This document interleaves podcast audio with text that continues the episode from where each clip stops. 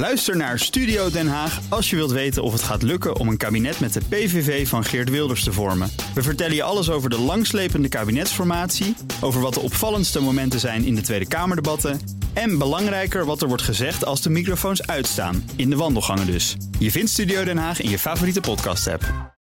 De column van Bernard Hammelburg. Als Joe Biden gelijk krijgt, begint volgende week een gevechtspauze van zes weken tussen Israël en Hamas. Veertig gijzelaars, vrouwen, jongeren, bejaarden en zieken, worden uitgeleverd in ruil voor 300 Palestijnse gevangenen. Ruim voor de Ramadan, door beide kanten gezien als een logische periode om de wapens neer te leggen. Het is goed nieuws, maar vooralsnog verre van een oplossing. Beide partijen verpersoonlijken de oorlog enorm. Israël maakt jacht op Hamas Hamas-leider en het brein achter 7 oktober, Yehia Sinwar, die waarschijnlijk ergens in het honderden kilometers lange tunnelcomplex in Zuid-Gaza zit, afgeschermd door een schild van gijzelaars. De kans om hem dood of levend op te pikken is gering en de vraag is wat het zou uitmaken. Niet veel, denken westerse strategische experts. Heel veel, denken de Israëliërs. Het zou een doodklap voor Hamas zijn. Het is een belangrijke reden waarom Israël vasthoudt aan een offensief in Rafah tot ergernis van Amerika en andere bondgenoten. Voor Hamas is het een argument om gijzelaars vast te houden.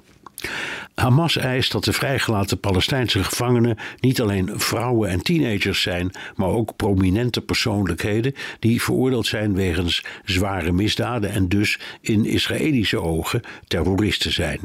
Om die vrij te laten is voor de Israëliërs een gruwelijk offer, terwijl ze tegelijkertijd vinden dat geen moeite te groot is om de gijzelaars vrij te krijgen. Het is een duivels dilemma.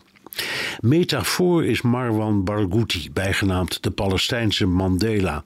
Hij zit al ruim twintig jaar in de gevangenis wegens massamoord als oprichter van de Al-Aqsa-brigades die reeksen aanslagen op bussen, hotels en restaurants hebben uitgevoerd.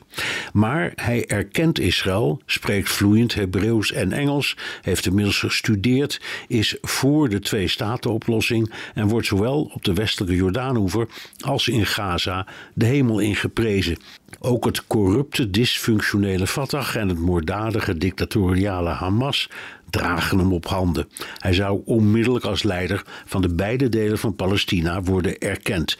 Kreten als From the River to the Sea zul je van hem niet horen. Integendeel. Koele westerse realpolitiek zou zeggen: laat Barghouti de macht overnemen op de Westbank en in Gaza, zodat er een raamwerk ontstaat voor serieuze onderhandelingen met Israël. Dat marginaliseert Hamas en roverhoofdman Sinwar. Maar de Levant is niet zo van de realpolitiek. Die is meer van temperament, monsters en wraak extra reden om te hopen dat de gevechtspauze doorgaat en standhoudt.